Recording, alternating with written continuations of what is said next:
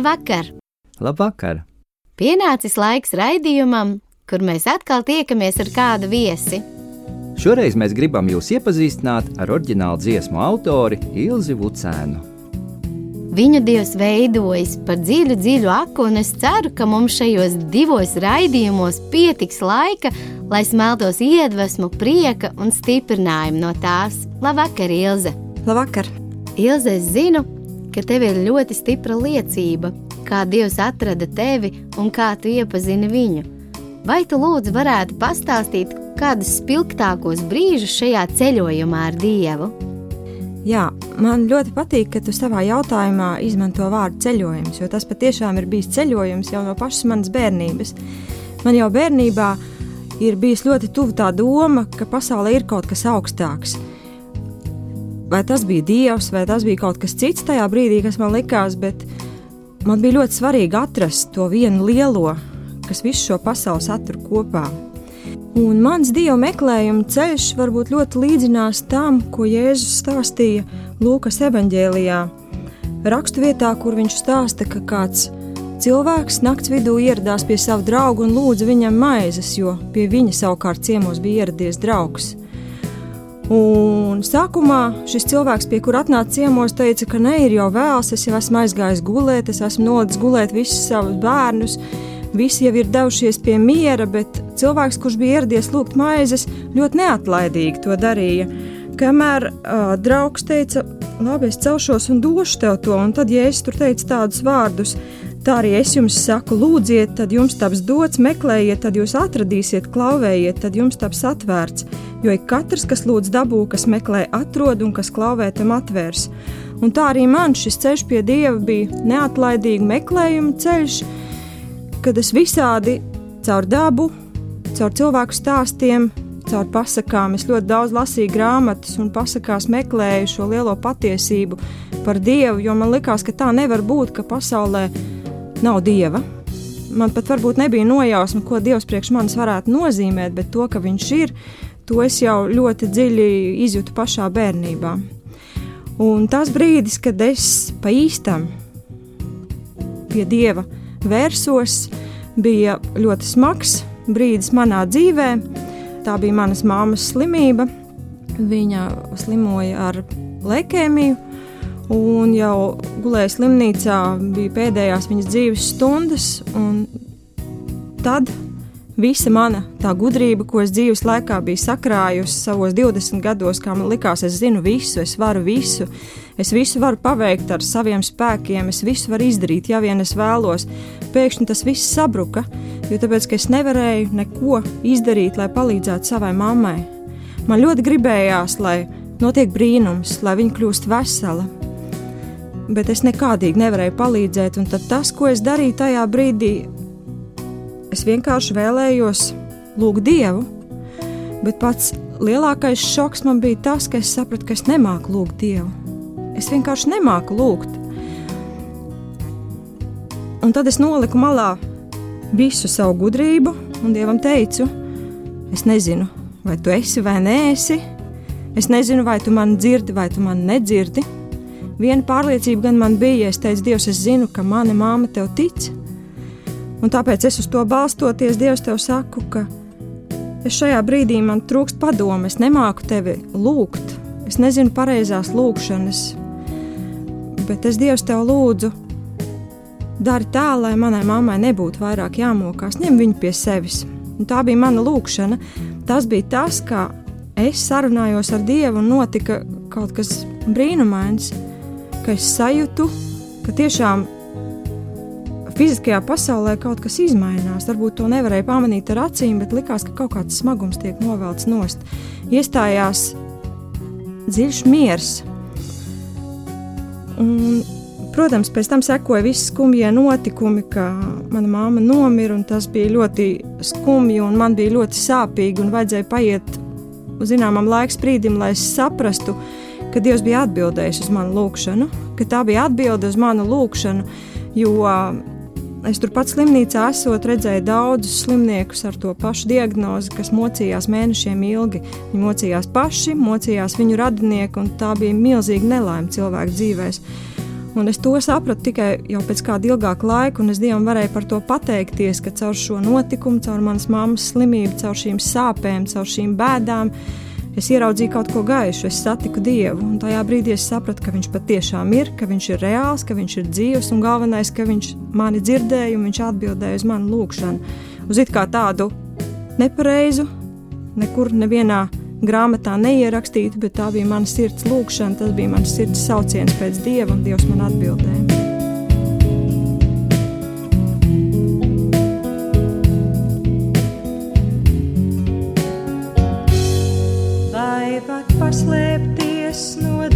Dieva pasaules malā?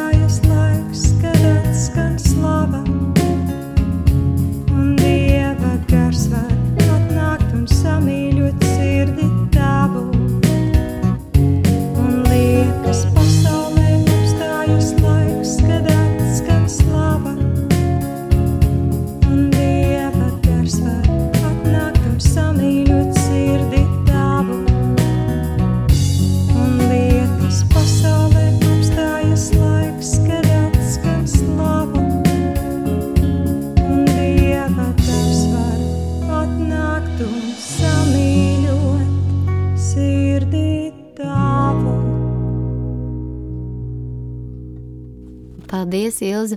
Gribēju pajautāt, vai tu savas dzīves laikā apzinājies garīgo pasauli, to neredzamo, kas īstenībā ir daudz īstāks par to, ko mēs redzam? Vai tu vēl tad, kad vēl nebija iepazinusi Dievu, vai tev bijuši kādi piedzīvojumi, ka tu redzēji lietas, varbūt, kuri varbūt pat ļoti daudzi neredz un nepiedzīvo? Jā, garīgā pasaule man īstenībā bija ļoti tuva. Jo tā jau laikam ir, ja tu cilvēks meklē, tad tavā ceļā rodas arī visādas lietas, kas tev ir liekas un nevajadzīgas. Tā informācija ir ļoti daudz mums visapkārt, un tā arī es ļoti stipri iepazinu to garīgo pasauli, kas bija saistīta ar vēlnu, kas bija saistīta ar ļauno.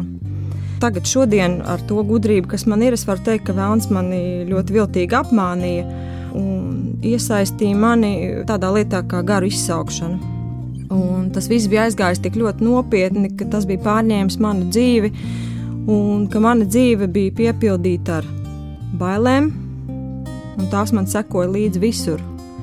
Tās bailes bija tik milzīgas, un tās man gulās virsū kā milzīgs smagums, ka īstenībā to bija tik ļoti grūti panest, bet tas tajā pašā laikā tā bija kā verdzība, kas tev verdzināja, jo tu no tā nekādīgi nevarēji pats ar saviem spēkiem tikt vaļā, jo tu biji tik ļoti jau atkarīgs no tā, ka tev vajag izsaukt garus, ka tev vajag pajautāt, ko savā dzīvē darīt, jo tu pats vairs ar savu prātu nespēji izdomāt un liekas pat elementāras lietas pats izdomāt un prātīgi kaut ko izdarīt. Tāpēc garu izsaukšanas seansi tika rīkot diezgan bieži un uzdoti visādi svarīgi un mazāk svarīgi jautājumi priekš manas dzīves. Tā kā jā, tā garīgā pasaule tā ļoti nopietni vietu ieņēma manā dzīvēm Un, principā, pirms es nonācu slimnīcā pie māmas gultas, iepriekšējā dienā es tieši biju rīkojis garu izsaukšanas seansu, kad arī notika kaut kas ļoti brīnumains. Tā kā man bailes sekoja līdzi visur, tad arī, protams, šajā reizē, kad uh, bija tik daudz sakrājušās problēmas, tie bija 90. gadu sākums, kad uh, valstī bija krīze, Cilvēki bija pazaudējuši daudz naudas, bija bezdarbs, un tad vēl nāca manas mammas slimība. Un es domāju, kur nu vēl piemērotāks brīdis eh, kā šis, lai izsauktu garus un lai pajautātu, ko tad tālāk man dzīvē darīt, jo ir vajadzīgs padoms, ir tādas svarīgas lietas dzīvē jautājums. Bet pirms mēs ar draugiem sanācām kopā un, un taisījāmies rīkot šo seansu, man neskāpēc bija izteikti dziļa vēlēšanās pajautāt atļauju dievam to darīt. Es pasaucu malā savu vīru un teicu, ka man ir jāpajautā dievam, vai es drīkstu to darīt, vai dievs grib, lai es izsaucu garus. Un viņš teica, jā, jā, protams, nu, ja tev to vajag, ja tev sirds tā būs mierīgāk, tad, protams, tu to vari darīt. Un mēs tajā vakarā atradāmies Rīgā, tādā skaistā vietā kā Zvaigžņu iela, kur pretīm ir pareizticīgo katedrāls torņi. Izgāju ārā uz balkona, draugu dzīvokļa, skatījos uz šiem baznīcas torņiem, vakarā rietēja saule, un tā vienkārši stāvēja un teica, Dievs, nu, tu esi ar mieru, ka es izsaucu garus. Un, nu, ir tā, ka ja tu esi ar mieru, tad tu man parādi kaut kādu zīmi. Un man pašai par lielu pārsteigumu Dievs tiešām parādīja zīmi.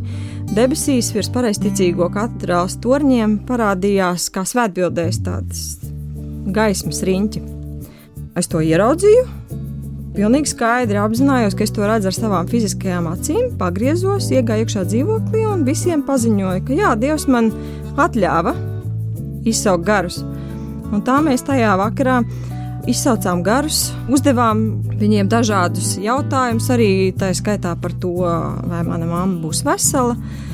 Tika saņemts daudz dažādas atbildes, bet to starpā šai garu izsaukšanas seanses laikā šķīvītis, kurš uz galda trakoja zem mūsu rokām, pēkšņi apstājās un pa burtiem tika parādīts teikums: Griezieties pie Dieva, tad visas lietas jūsu dzīvē sakārtosies, un tā tas notika trīs reizes.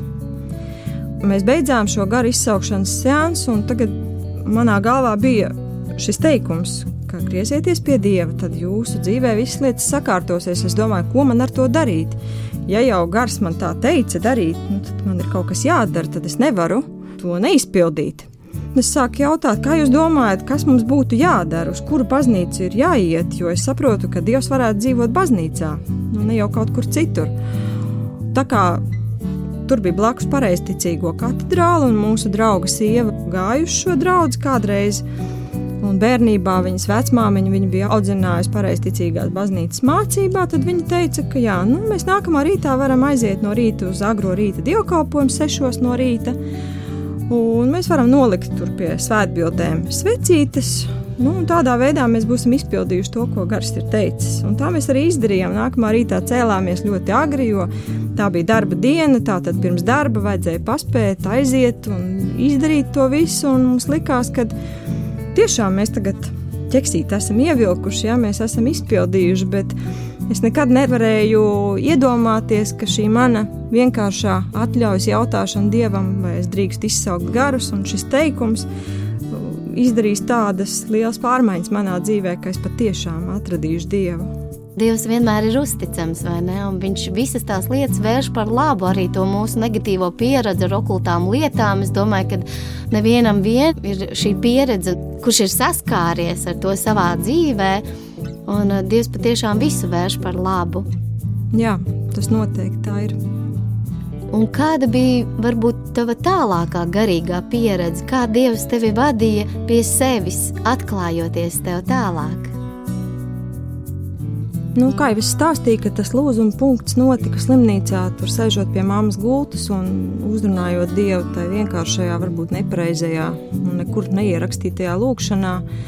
Es braucu projām no slimnīcas, vēl nezinot, kas notiks tālāk ar manu mammu, jo viņa jau bija komā.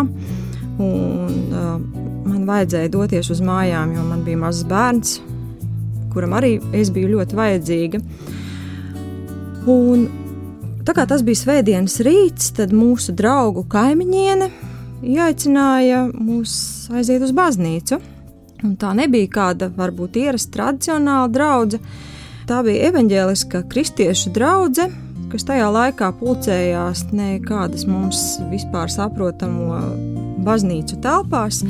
Tajā laikā dievkalpojumi notika Daugaus sportanam telpās, un viņi teica, nu, tur ir tāda nedaudz citādāk tā visa gaisotne, tas ir nedaudz savādāk, jo es kaut kā no visas tās savas pieredzes, kas man dzīvē bija, negribēju ieiet augstos baznīcas mūros. Man likās, ka ka tas nav tas, ko es gribētu, ka varbūt tas nav man tik tūs un es to nesaprotu.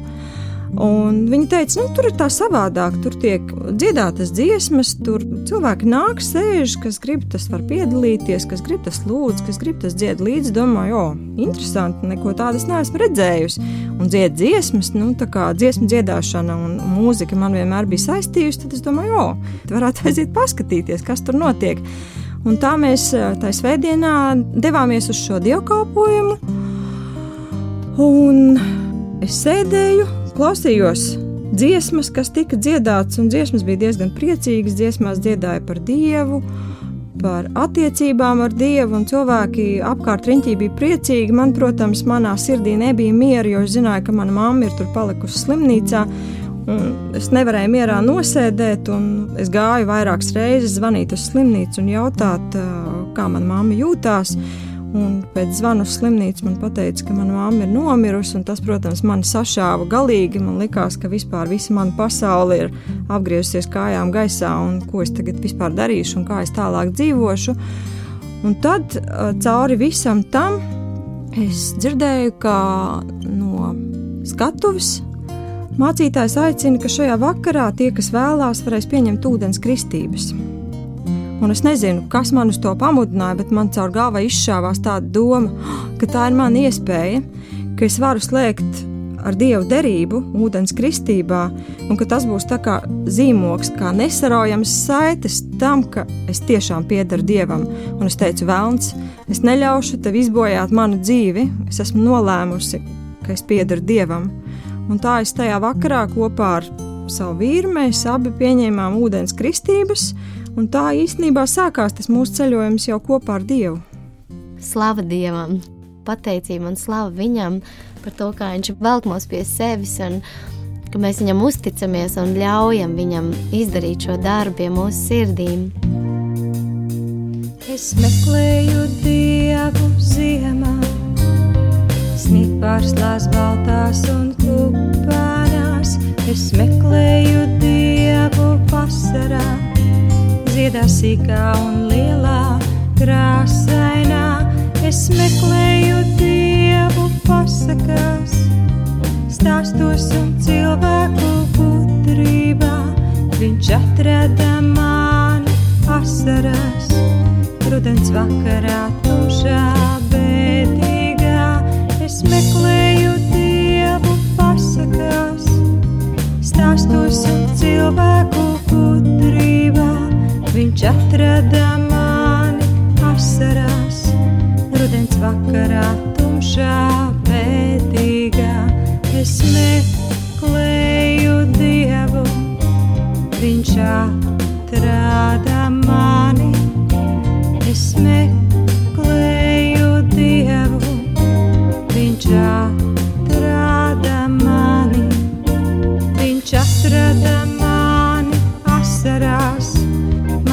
Sāpēs un dziļā neziņā.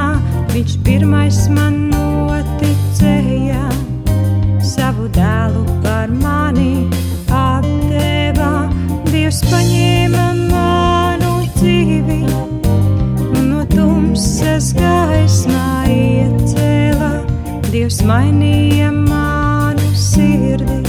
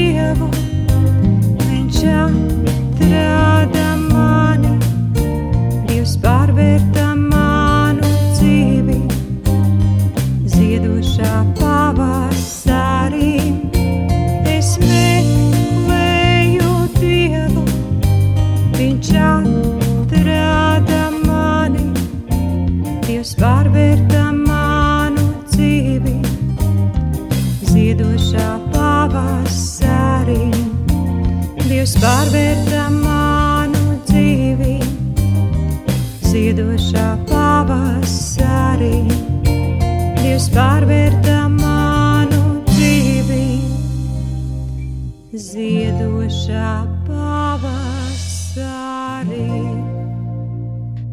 Dzinter, es redzu, ka tu sēdi un gribi ļoti kaut ko pajautāt Ilzei. Varbūt, ka šis būtu piemērots brīdis. Kas tavā dzīvē pašlaik ir lielākais iepriecinājums? Nu, man jāsaka, ka man nav tāds viens liels iepriecinājums. Ir vairākas lietas, par ko es ļoti, ļoti esmu priecīga un dievam pateicīga šajā brīdī. Viena no tādām lietām ir, ka man ir ļoti liels prieks, ka bērni jau ir izauguši. Man ir četri bērni, un es ļoti priecājos, ka viņi jau ir izauguši un ka tagad ir laiks, kad mēs ar vīru varam atkal sajusties kā tikko iepazinušies, mēs varam veltīt laiku viens otram, un tas ir milzīgs prieks, ka mēs varam turpināt pēc 26 gadu laulības savas attiecības aizvien no jauna kaut ko atklāt tajās un būt tuvāk viens otram. Otra lieta, protams, par ko man ir liels prieks par saviem bērniem. Es esmu ļoti Dievam pateicīga par saviem četriem bērniem, kas tiešām ir liela svētība manā dzīvē.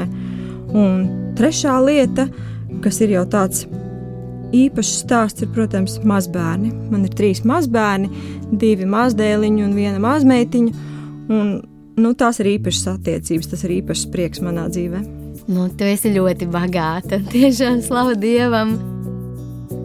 Un tagad pievērsīsimies Ilze tavai radošajai darbībai. Pie mums raidījumā ir bijuši arī citi oriģināli dziesmu autori, kā Anita Brīdaka, Egils Petersons, un viņi dalījās ar to, ka liela nozīme ir tekstiem, caur kuriem veidojās tālāk arī mūzika. Kā tas notiek tev? Kā tev radās dziesmas un par ko tu dziedi savās dziesmās? Es savās dziesmās izsaku savus pārdzīvojumus, savas attiecības ar Dievu, kaut kādas aktuālas lietas, kas pat notiek uh, valstī, jo man ir dziesmas arī par uh, Latviju, lūkšanas tādas, ja, kas, kas tieši ir manā sirdī. Tas dziesmas ceļojums pie manis ir ļoti atšķirīgs. Katra dziesma atnāk kaut kādā savā laikā un savā veidā. Tā kā tekstus savām dziesmām es rakstu pati, tad man varbūt atkrīt tas ceļš, ka man ir jāmeklē kāds teksta autors, un tad um, jāiedziļinās šajā tekstā, jāizdzīvo viņš, jā, lai es tam varētu pielikt mūziku. Man ir liela pateicība Dievam, ka gan vārdi, gan mūzika man tiek doti praktiski vienlaicīgi. Ir dažas reizes, kad skan melodija, viņa sāk skanēt jau agri no rīta un skan cauri dienai šī melodija, un pēc tam atnāk arī vārdi, tad tas saliekas kopā un rodas skaista dziesma. Ir bijušas reizes, kad uh, dziesma ir atnākusi pēc kāda bībeles teksta izlasīšanas vai pēc svētrunas noklausīšanās, ja, kad Dieva vārds tiešām ir atdzīvojies. Kā ir teikts, ka Dieva vārds ir dzīvs. Viņš sāk dzīvot, viņš sāk skanēt, un melodijā un kopā ar vārdiem viņš izskan pavisam kaut kādā citā nokrāsā, un tu brīnies, kā šī rakstu vieta atklājas. Ne tā kā varbūt tu to esi izlasījis kādu citu reizi, bet viņa atklājas fantastiski. Tu redzi, ka viņai ir tik daudz dažādas šķautnes, un pats lielākais prieks, ka šīs dziesmas spēj uzrunāt cilvēku sirdis, ka tas strādā uz cilvēkiem, ka tas maina viņu dzīves, ka tas nes iepriecinājumu. Kas notiek tālāk ar dziesmām, kuras tu pie sevis mājās dungo? Nu, ir tā, tā kā es pati stabili nespēlēju nevienu instrumentu, tad es šīs dziesmas vienkārši iedziedu savā telefonā, pierakstu vārdus, un tad es dodos uz studiju, kur mēs kopā ar Valēriju šīs melodijas apstrādājam, un tad top dziesma. Jo sākumā jau tā ir tikai melodija kopā ar vārdiem, pie kuras vēl vajag strādāt. Tas ir ļoti līdzīgi kā mazs bērns, kad viņš ienāk pasaulē, viņš piedzimst. Un, principā, viņš ir kā skaista balta lapa, viņš ir brīnišķīgs, viņš ir skaists. Bet, lai tas bērns izaugtu par cilvēku, kurš pēc tam dzīvē varēs dzīvot kopā ar citiem, mums vajag viņā ļoti daudz ko ielikt. Mums vajag ielikt visu to mīlumu, darbu, pūles, lūkšanas, tā arī ir ar dziesmām, ka jānotiek šim piedzimšanas procesam. Viņa piedzimst, un tad viņai ir jāizaug. Un tad, kad viņa izaug, tad tā ir dziesma. Cik aptuveni dziesma ir tavā krātuvē? Īstenībā, ja godīgi, es uz šo brīdi precīzi ciparu nemaz nezinu, bet uh, tās noteikti ir vairāk kā 200 dziesmas. Un uh, te var sadalīt. Ir melodijas, kas jau ir tapušas par dziesmām, un ir melodijas, kuras vēl joprojām ir tajā maziņā bērna stāvoklī, kad pie viņām vēl ir jāstrādā, par viņām ir jārūpējās, jāapčubina, lai viņas kļūtu par dziesmām. Tā kā melodijas ir vairāk kā 200 no tām, kā dziesmas stabilas, tās ir pār simtam. Ļoti bagātīgi, jā, paldies Dievam! Vai tavuprāt, dziesmai, tāpat kā visam mūsu dzīvē, ir savs laiks un vieta izskanēt, vieta būt? Noteikti tā ir taisnība, ka katrai dziesmai ir savs laiks, jo dziesmas atnāk savā īpašajā brīdī, kad tās tiek iedotas, vai tas ir kāds pārdzīvojums dzīvē, vai tas ir izlasīts Dieva vārds, kas, kas izraisa šo dziesmas ienākšanu šajā pasaulē. Un, ir uh, bieži bijis tā, ka ir kāda dziesma vai melodija ar vārdiem, kas ir atnākusi desmit gadus atpakaļ, un tā viņa tur arī ir stāvējusi un gaidījusi savu mirkli. Un tagad, pēc desmit gadiem, es pēkšņi viņu lasu un redzu, ka jā, tagad ir pienācis viņas brīdis dzīvot.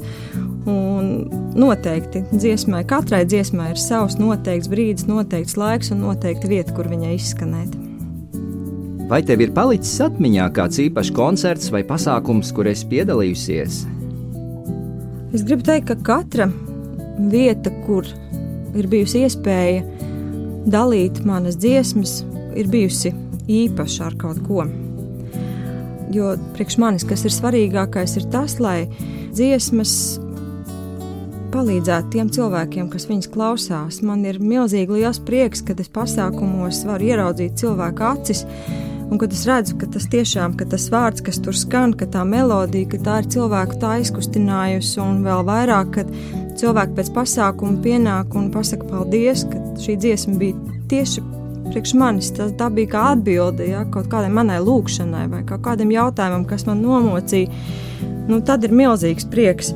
Bet no tādiem pasākumiem, kas ir bijuši, es varētu pieminēt pagājušā gada nogalē bija Adventes laika pasākums Rīgas katoļu ģimnāzijā, kur tas man ļoti aizkustināja. Tas bija kopā ar bērniem, viņiem bija mācību gada noslēgums, bērni kopā ar vecākiem, ģimenes locekļiem. Tas bija ļoti mīļš, tāds ģimenisks pasākums. Un otrs tāds pasākums, kas bija pašā šī gada sākumā, 30. janvārī, Balvu sakrālās kultūras centrā, notika mans autoru dziesmu koncerts. Pirms tam mums bija kalpošanas daļa, ko mēs saucam par mīlestības kalpošanu, kad mēs vienkārši trīs stundu garumā dziedājām cilvēkiem, tika par viņiem lūgts, aizlūgts, un pēc tam vakarā bija koncerts kad visi, kas vēlējās, varēja piedalīties un vienkārši baudīt tās dziesmas.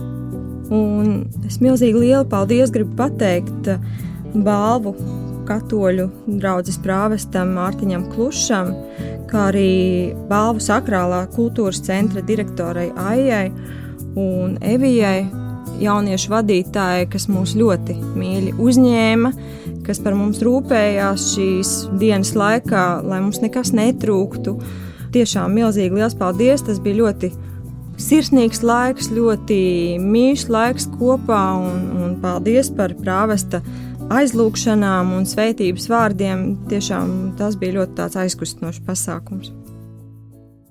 Un tagad klausīsimies kādu no Ilzas dziesmām. mīlestība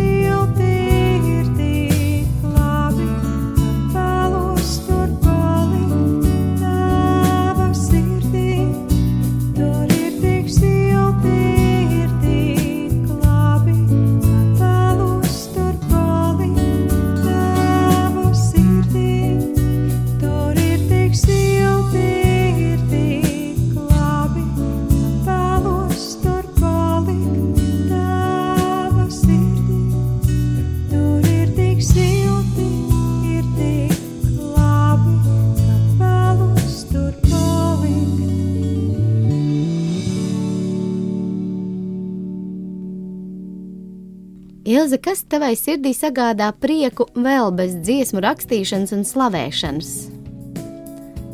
Es saprotu, ka tu man jautā par manu aicinājumu dzīvē. Jau no pašas bērnības ir bijusi tāda vēlme, kā palīdzēt citiem cilvēkiem. Man tas ir sagādājis ļoti lielu gandarījumu un prieku, ja es kādam varu palīdzēt. Un, lai šo vēlmi savu cilvēkiem palīdzēt, piepildīt, es uz to esmu ļoti mērķiecīgi gājusi.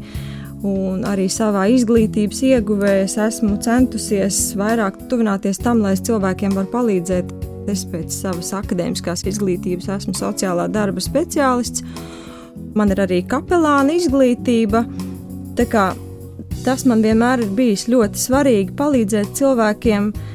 Tad tā īpašā joma man kā mammai vienmēr ir bijusi vēlme palīdzēt vecākiem audzināt bērnus. Nu, ne jau ar to, ka es tagad esmu ļoti gudra, tāpēc ka man ir četri bērni, bet ar to, ka uh, pa šiem gadiem es esmu par šo jautājumu ļoti daudz lūgus, un es esmu arī strādājusi ar ielu bērniem, ar bērniem no nelabvēlīgām ģimenēm. Man ir tāda sirds vēlēšanās, un, un tā, tāda liela vēlme ir, ka es varētu no tās pieredzes, ko Dievs man ir manā dzīvē iedevis, ka es varētu palīdzēt vecākiem ar savu liecību, atziņām, kas man ir radušās audzinot manus bērnus, ka es varētu vecākiem palīdzēt ar padomu, kā audzināt viņu bērnus. Jo tāpēc, kad bērnu audzināšana tā ir, nu, es teikšu, ka ļoti sarežģīta lieta. Jo neviens mēs kā vecāks nepiedzimstam jau uzreiz gudri. Mēs netopam tādi. Notiek šis brīnums mūsu dzīvē, šī dieva dāvana mūsu dzīvē ienāk bērns. Un tad nu, mums ir jātiek pašiem galā. Mums ir jāmāk viņu no šī maziņā, mīļā bērniņa uzaudzināt par kārtīgu cilvēku. Un ir ļoti svarīgi, kādu mēs pamatu mūsu bērnos ieliekam. Ir ļoti svarīgas mūsu lūkšanas par mūsu bērniem. Ir ļoti svarīgi, ka mēs bērnus mākam ievirzīt tajā pareizajā virzienā. Jo tā ir arī tāda ne tikai viena vēlme izaudzināt kārtīgu cilvēku, bet tās ir arī domas par, par mūsu valsti. Ja mēs gribam, lai mūsu valsts, lai mūsu Latvija ir ziedoša un labklājības valsts, tad mums ir jādomā par to, kādus bērnus mēs izaudzinām. Lai šajā valstī, kuru mēs vēlamies ieraudzīt, plaukstošu un ziedošu, būtu cilvēki, kas ir mērķtiecīgi, kas mīl Dievu, kas lūdz Dievu, kas saprot, kāds ir prioritāts viņa dzīvē. Tāpēc man tāda sirds vēlēšanās ir izveidot programmu vecākiem par bērnu audzināšanu. Un es šajā jautājumā jau esmu ļoti daudz meklējuši un, un strādājuši pie tā. Alfas kursā ir tāda īpaša programma, kas gan pie mums vēl Latvijā nav pieejama, bet šī programma tā arī saucās kurs vecākiem, kas palīdz pa dažādām vecuma grupām vecākiem uh, ieraudzīt, kāds ir tas pareizais ceļš, kaut kādi pieturas punkti, kā palīdzēt izaugt mūsu mazajiem cilvēkiem par lieliem cilvēkiem, kas tad spēj paši audzināt savus bērnus. Vai šī programma jau ir izveidota? Cik es zinu, tad um, Latvijas alfai, Latvijas alfa kursam šobrīd vēl nav izdevies šo programmu īstenot dzīvē. Es pati personīgi esmu iztulkojusi šos materiālus latviešu valodā, un jau vienu šādu kursu esmu novadījusi Krievu valodā. Tā kā, nu, tas ir tik daudz, cik ir izdarīts. Ar šo mēs raidījumā liekam komatu un turpinājumu mūsu sarunām ar Ilzi dzirdēsim nākošajā piekdienā. Ir dzirdams, ka dziesmās gluži viena nēsi, un mēs ļoti gribam dzirdēt kaut ko vairāk par taviem draugiem un muzikālo komandu, un par to visu tu pastāstīsi mums nākamajā raidījumā. Darbie radio klausītāji, un jums, kā sveiciens, lai izskan dziesma, mātes lūkšana, uz sadzirdēšanos! Uz sadzirdēšanos! Uz sadzirdēšanos, Dieva svētības jums visiem!